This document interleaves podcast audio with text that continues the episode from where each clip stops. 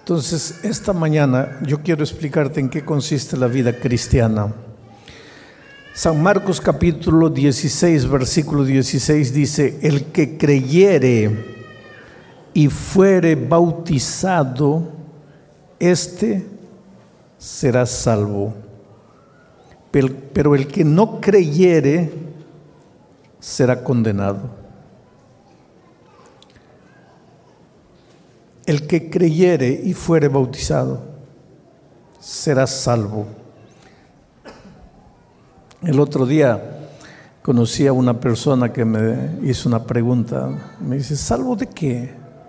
Si yo tengo dinero, tengo una buena casa, mi familia está bien, todos bien de salud, mis negocios están prosperando, ¿salvo de qué? Y sin embargo, ese hombre ya tuvo cinco esposas porque no consigue ser feliz.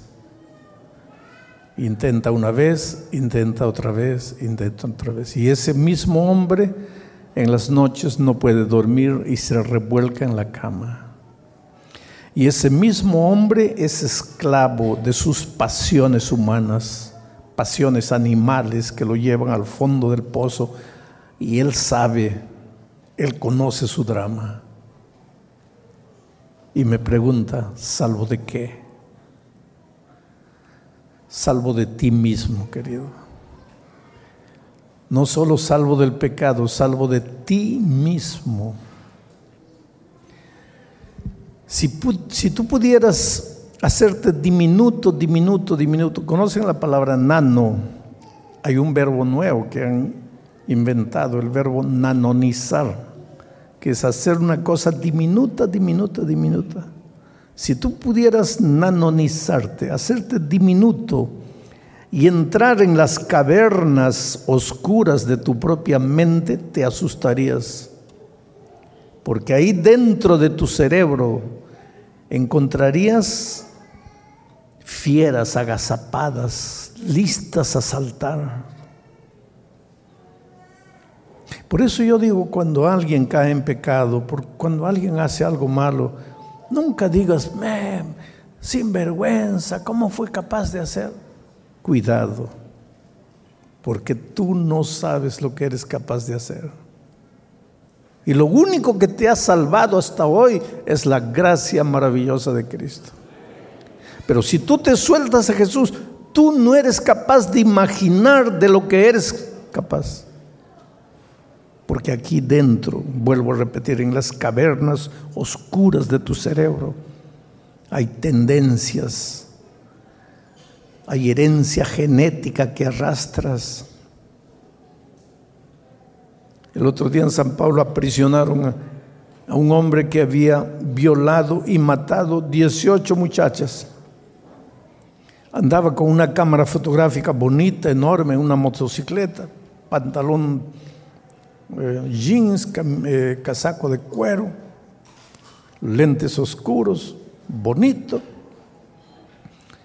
Y cuando veía a una chica paraba y le decía, mira, yo soy cazador de modelos. Estoy buscando modelos para una agencia de publicidad. Y pues yo no sé por qué cosas de la vida toda chica sueña con ser modelo.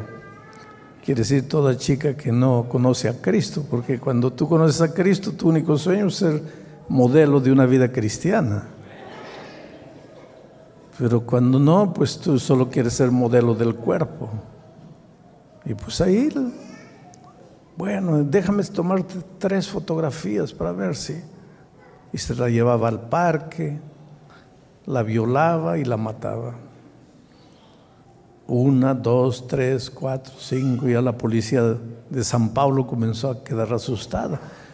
Este es un maníaco, tenemos que encontrarlo, agarrarlo. Y, y un día lo agarraron. Pero lo que me impresionó fue cuando la policía le preguntó, ¿por qué hacías esto? Él llorando dijo, Miren, yo no voy a decirles lo que les voy a decir, porque quiero que me perdonen, porque yo no quiero que me perdonen, yo quiero que me juzguen, yo quiero que me condenen, yo quiero que me encierren para siempre, porque si me sueltan, yo voy a volver a ser. El periodista le preguntó, ¿pero por qué? Y él dijo, yo no tengo explicación. Yo solo sé yo prometo, después que he cometido el crimen, yo me prometo a mí, nunca más, nunca más, nunca más. Porque paso noches sin poder dormir, atormentado por lo que hice. Y pasa una semana, pasa 15 días, y de repente despierta la fiera que está dentro de mí y ahí ya no puedo controlarme. Despierto la fiera que está dentro de mí.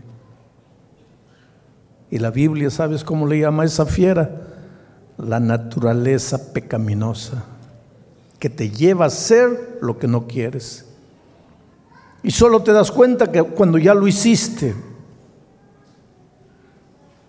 entonces nunca preguntes, ¿De qué me va a salvar Jesucristo? Te va a salvar de esa maldita naturaleza pecaminosa que duerme dentro de ti, dentro de mí, dentro de todo ser humano. Tal vez tú no violes ni mates a nadie, pero para Dios no hay pecado grande, pecado chico. Para Dios no hay pecado blanco, pecado negro. Para Dios el pecado es pecado. La única salida para nosotros es creer en la gracia maravillosa del Señor Jesucristo. La única salida es ir a Jesús y decirle, Señor, yo soy un potro salvaje. Y si tú no me amarras con tus cuerdas de amor, yo me voy al abismo. Sálvame, Señor, porque yo no puedo. Haz por mí lo que yo no puedo hacer por mí mismo. Tienes que creer que Jesús lo puede hacer. Tienes que confiar que Jesús lo puede hacer. Tienes que tener fe de que Jesús lo puede hacer. La palabra confiar, la palabra creer, la palabra tener fe son sinónimos. Cuando tú dices yo tengo fe, estás diciendo yo creo. Cuando dices yo creo, estás diciendo yo confío. Tienes que confiar, tienes que creer. Y si crees, serás salvo. ¿Sí o no? No. Porque el texto dice, al que creyere, ¿Y qué? Y fuere bautizado. ¿Quiere decir que no basta creer? No. ¿Sabes por qué? Porque Santiago dice, tú crees en Dios, haces bien, maravilloso que creas en Dios. Pero los demonios también creen. Epa, los demonios también creen. ¿Y cuál es la diferencia entre el creer del cristiano y el creer de los demonios? Es que el creer de los demonios es, sí, sí, maravilloso, bonito, me gustó. Ese es el creer. El creer que no te lleva a la acción. ¿Y cuál es el creer del cristiano? Me gustó, maravilloso, pero ahora avanzo en dirección del Señor Jesucristo. Es un creer práctico. Te voy a contar una historia que ya debes haber escuchado alguna vez. Un equilibrista quiso bater el récord del Guinness. Sabes que ese libro Guinness registra todos los récords en cualquier cosa. Si quieres, aquí hay mucho mexicano, guatemalteco y dicen que comen mucho chile, ¿no? Quieres entrar al Guinness, cómete 34 jalapeños. Entras al Guinness como el más grande comedor de Chile. Puedes hacer lo que sea. el Guinness registra todos los récords y ese equilibrista quiso registrarse como el, que, el mejor equilibrista del mundo. Se propuso atravesar, atravesar las cataratas del Niágara sobre un alambre, sobre una cuerda, caminando sobre la cuerda encima de las cataratas del Niágara con una vara en la mano. Entonces toda la gente fue allá el día que él había indicado que iba a cruzar. La prensa, los periodistas, todos atentos. Y entonces él preguntó, ¿cuántos de ustedes creen que yo puedo atravesar? Y nadie levantó la mano. Entonces él se molestó y les dijo, ¿y para qué vinieron? Para verme morir. Porque si ustedes no creen que voy a cruzar, ¿para qué vinieron? ¿Para ver un suicidio? Hay un viejito tímidamente levantó la mano atrás. Y él dijo, ¿usted cree? Sí, señor, yo creo. ¿Usted cree que yo soy capaz de atravesar por la cuerda? Sí, señor. Entonces venga aquí, súbase a mis hombros y yo lo voy a hacer pasar. Y el viejito ya dio un paso para, no, ah, no, señor, ahí no. Tú puedes reírte, pero es que hay mucho cristiano y a esta mañana hay cristianos así aquí sentaditos, bonitos, maravillosos y lindos. Porque ustedes dicen, yo creo, yo creo, yo creo. Ahora, ahora Jesús dice así, ven, súbete a mis hombros. ¿Crees en mí?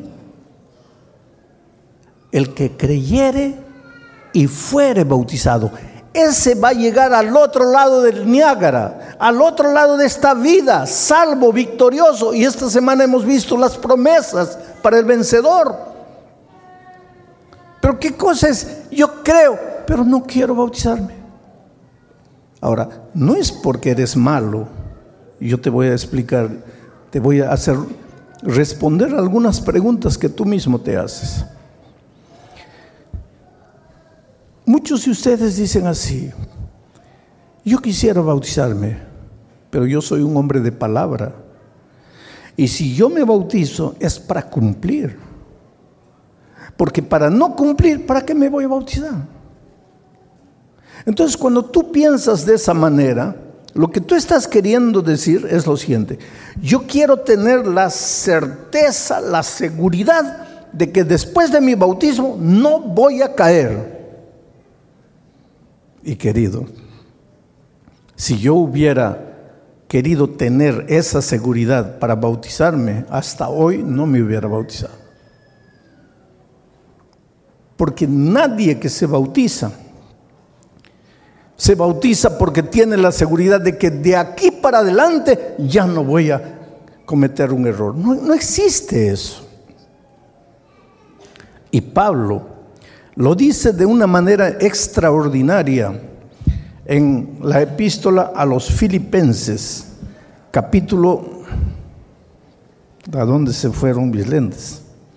Bueno, capítulo 3, a partir del versículo 12, mira lo que dice Pablo.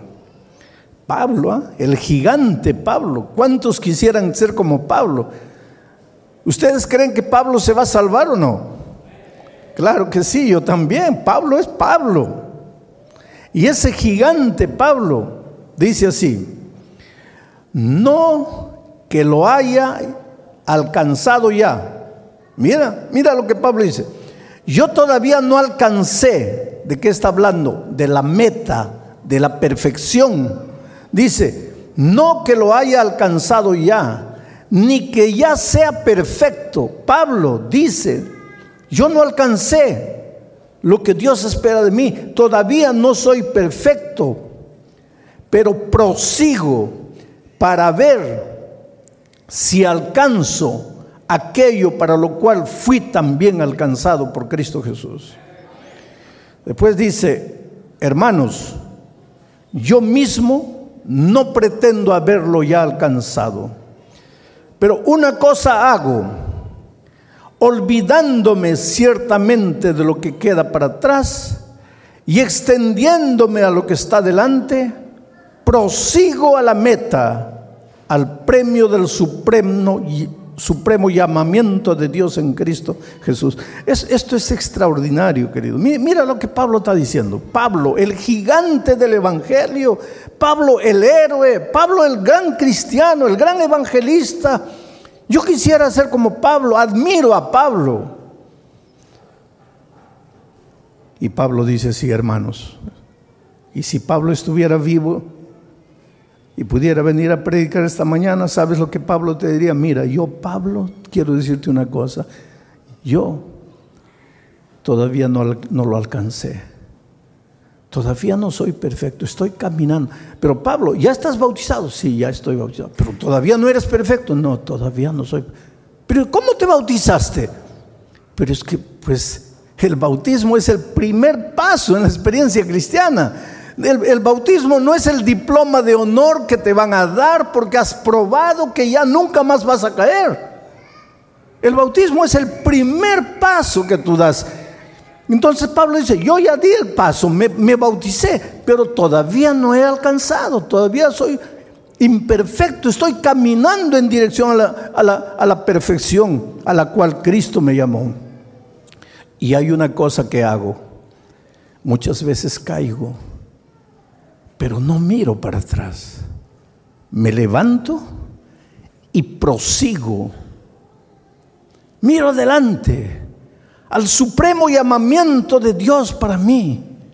Y voy cayendo. Pablo, ¿y qué haces si te vuelves a caer? Pues me vuelvo a levantar. Y si te caes de nuevo, me levanto de nuevo. Pero no me quedo caído sigo caminando, sigo caminando porque yo sé que un día cuando Cristo venga yo voy a alcanzar. Ahora, ¿quién te dice eso? Es Pablo. Entonces, ¿por qué tú quieres ser perfecto para bautizarte? No, no tienes que ser perfecto para bautizarte, tienes que creer en el Señor Jesucristo. Ahora te voy a responder otra pregunta. Hay gente que dice así, pastor, yo me voy a bautizar, sí. Ahorita no, pero dentro de un año, cuando aprende a andar, por lo menos tengo que aprender a dar los primeros pasos en la vida cristiana. Ahí ya me bautizo. Muy interesante. Vamos a decir que un niño está en el vientre de la madre. ¿Cuánto tiempo tiene que estar el niño en el vientre de la madre para nacer? nueve meses, algunos apresurados salen con ocho, otros más apresurados con siete.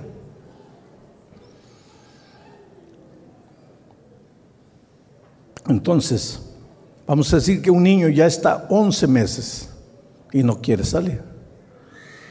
Y el médico le dice, hey, ya vamos, ya pasaron dos meses, vamos. Por favor, téngame paciencia, doctor. ¿Cómo paciencia? Ya te estás pasando, sal. Y el niño dice, no, es que yo todavía no sé andar. Cuando dé los primeros pasos, ahí nazco. Pues tú te ríes, pero eso es lo que muchos de los cristianos hacen. Yo, yo me voy a bautizar, sí, pero cuando haya aprendido a dar los primeros pasos. Pero querido, si, si el bautismo es el nacimiento, para poder andar, primero tienes que nacer. Después vas a aprender a andar. Y en ese aprender a andar, te caes y te levantas y te rasmillas. Yo tengo un hijo que tiene 64 cicatrices en el cuerpo. Perdón, 64 puntos. Lo han cosido de la rodilla, de la canilla, de la pierna, del muslo, de la cabeza, del hombro. 64 puntos su blanco es llegar a 100, pero ya está grande. ¿Y por qué tanto? Cayó. Cayó, se subía al árbol, se caía, se subía al techo, se caía. Y más puntos y puntos y puntos. Pero ya últimamente no se cae, por eso creo que no va a alcanzar su blanco de 100. Entonces, ¿qué pasa? La vida cristiana es así. Tienes que creer en Jesucristo, tienes que caminar con Jesucristo. Yo estaba predicando en Panamá. ¿Hay algún panameño aquí? ¿No hay? Yo estaba predicando en el Coliseo de Panamá, unas 10 mil personas reunidas ahí. Y durante la semana, un señor moreno, alto, fuerte, bien fuerte. Viene y dice, pastor, yo quisiera bautizarme, pero tengo un problema. Tengo tres mujeres, una titular y dos suplentes. Le digo, pero pues tienes que quedarte con una porque con las tres no te puedes bautizar. Y él me dice, pues pastor, yo sé, por eso estoy viniendo. Pastor, yo, yo creo en Jesucristo, yo, yo sé que estoy mal, que yo tengo que ser fiel únicamente a mi esposa, pero no puedo, pastor, ayúdeme a escoger. Pues, escoge a la que amas, a tu esposa. No, pastor, pero es que yo amo a las tres. Tremendo corazón, ¿no? Le digo, pero hay que tomar una decisión en la vida. O Cristo o las tres. No puedes. Y el sábado hubo un bautismo grande, ¿sabes? Muchas personas se bautizaron y pasaron y pasaron. Y el pobre sentado ahí, llorando, llorando, llorando. Y no pudo levantarse. ¿Por qué? Porque no pudo tomar la decisión. Hay una cosa maravillosa que Jesús te dio que se llama libertad. Él te puede llamar y llamar y llamar, pero jamás te va a arrastrar, jamás te va a traer por la fuerza. A veces va a permitir que la vida se encargue de traerte a veces Dios va a permitir en su sabiduría, por amor a ti, para salvarte, va a permitir que la vida te golpee. Y sabes una cosa, la vida golpea fuerte. Yo no sé si tú has escuchado hablar de un rey de Israel llamado Manasés. Manasés fue el peor de los reyes de Israel. Manasés nació en la iglesia, creció en la iglesia, en el temor de Dios, conociendo la palabra de Dios de aquel tiempo, que era el Torah era el líder del pueblo, el rey, tenía que ser el ejemplo del pueblo. Y sin embargo Manasés se corrompió, se corrompió, se casó con mujeres paganas. Los ídolos paganos vinieron a Israel y entre esos eh, rituales paganos se tenía que sacrificar seres humanos y Manasés fue capaz de sacrificar a sus propias hermanas en el altar de los dioses paganos en el pueblo de Israel los ancianos, los ancianos de la iglesia, los viejitos, miraban a Manasés, que lo habían visto nacer, y pensaban así, para Manasés ya no hay remedio.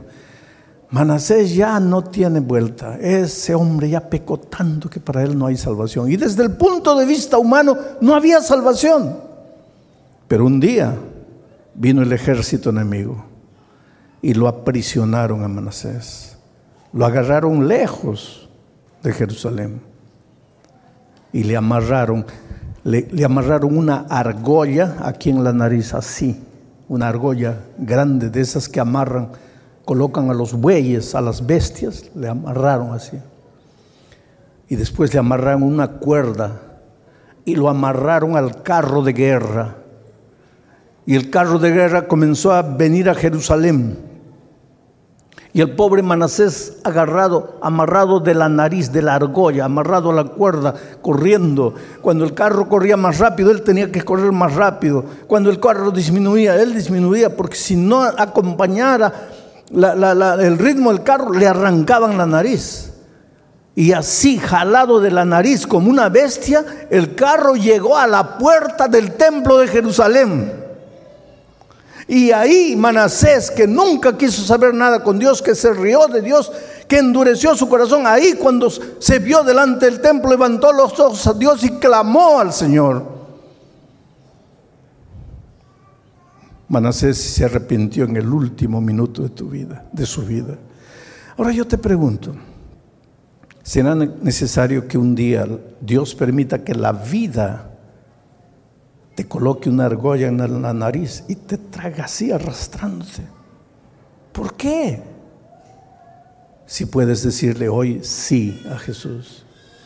Si puedes entregarte hoy a Jesús. Si puedes hacerlo porque amas a Jesús por voluntad propia, por tu decisión. Pero pastor, tengo miedo de fallarle a Dios. No tengas miedo de fallarle. Yo estaba un día en, Bolivia predicando y un muchacho entró y me dice así, pastor, acabo de fumar afuera mi último cigarro. ¿Usted cree que puedo bautizarme? Quiere decir que has fumado hasta cinco minutos atrás. Sí.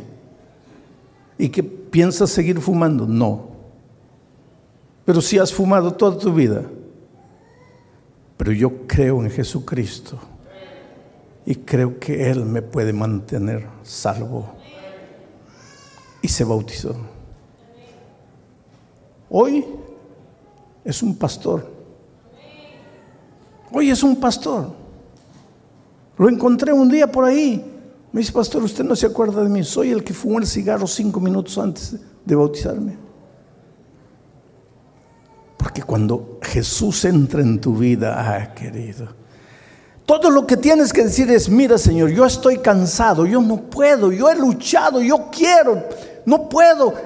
Te abro mi corazón, entra en mi corazón y el Espíritu de Dios entra Ah, querido, cuando el Espíritu de Dios entra a tu corazón, tú no, tú no sabes a dónde te va a llevar, qué es lo que te puede hacer. Ahora, hay una cosa más que necesito explicarte. Hay personas que quieren bautizarse, pero las circunstancias no le permiten bautizarse. ¿Qué circunstancias? Por ejemplo, tú estás casado con alguien en tu país. Viniste a este país y te casaste con otra persona. Es decir, te juntaste, porque no te puedes casar, estás casado con otra persona. Ahora te juntaste con otra persona. No te puedes casar con ella. Y la iglesia no te puede bautizar. ¿Por qué? Porque estás viviendo en pecado. ¿Cómo en pecado? Claro, porque estás casado con la otra persona y con esta no estás casado. Por lo tanto, técnicamente estás viviendo en adulterio. La iglesia no te puede bautizar. Pero vamos a decir que hayan pasado 50 años de ese otro matrimonio. Ya estás envejeciendo, estás casado con, estás juntado con la otra persona, ya tienes hijos con otra persona. Y si quisieras divorciarte de la otra persona, ya no sabes ni dónde está, no la puedes localizar. Y ya pasaron 40, 50 años. Y ya no puedes bautizarte. Quieres bautizarte. Le has entregado el corazón a Jesucristo. Quisieras correr al agua y entrar al tanque, pero no puedes por esas circunstancias. Yo quiero decirte en el nombre de Jesucristo. Nosotros como iglesia no podemos bautizarte. Pero tú tienes que confiar tu salvación en las manos del Señor Jesucristo. Porque una cosa es no bautizarse porque las circunstancias no te permiten. Y otra cosa es no bautizarte porque no quieres bautizarte. Mi pregunta para ti es, ¿tú eres el que no puede bautizarse porque las circunstancias no lo permiten? ¿O tú eres el que no quiere bautizarse porque no quiere bautizarse? Ahí las cosas cambian. Otra circunstancia, Vamos a decir que tú estás muy, muy enfermo. No puedes levantarte de la cama, no puedes llegar al tanque del bautismo y te mueres sin bautizarte. Pero antes de tu muerte tú creíste y dijiste, Señor, yo quiero ser bautizado, pero no te pueden bautizar, porque si te, te, te bautizan te puedes morir. Te mueres sin bautismo. Estás salvo en Cristo. ¿Por qué? Porque tú te entregaste al Jesús. Y si no te bautizaste, no es porque no quisiste, es porque no pudiste bautizarte. Entonces son casos diferentes. Yo no quiero que nadie vuelva desesperado esta mañana para casa diciendo, ay, estoy perdido, porque aunque yo quiero bautizarme, no puedo bautizarme. No, si tú no te bautizas porque las circunstancias no te permiten, tienes que confiar en la gracia maravillosa de Cristo, porque para Él lo que cuenta es tu corazón que ha dicho sí. Pero si no, hoy es el día de buena nueva. Hoy es el día de salvación. Jesús te ama, te ama, te ama, pero no te puede arrastrar. Tú tienes que querer, tú tienes que decir sí, tú tienes que entregarte. Y una vez más voy a hacer un llamado. Y quiero que vengan aquí todos los que se van a bautizar a la tarde o que están pensando bautizarse poco más adelante tal vez, pero están tomando la decisión para el bautismo y quieren decirle, Señor, ayúdame a caminar la vida cristiana, prosiguiendo, prosiguiendo, prosiguiendo. ¿Quién es la primera persona que quisiera levantarse y venir esta mañana aquí? Levántate y ven con fe.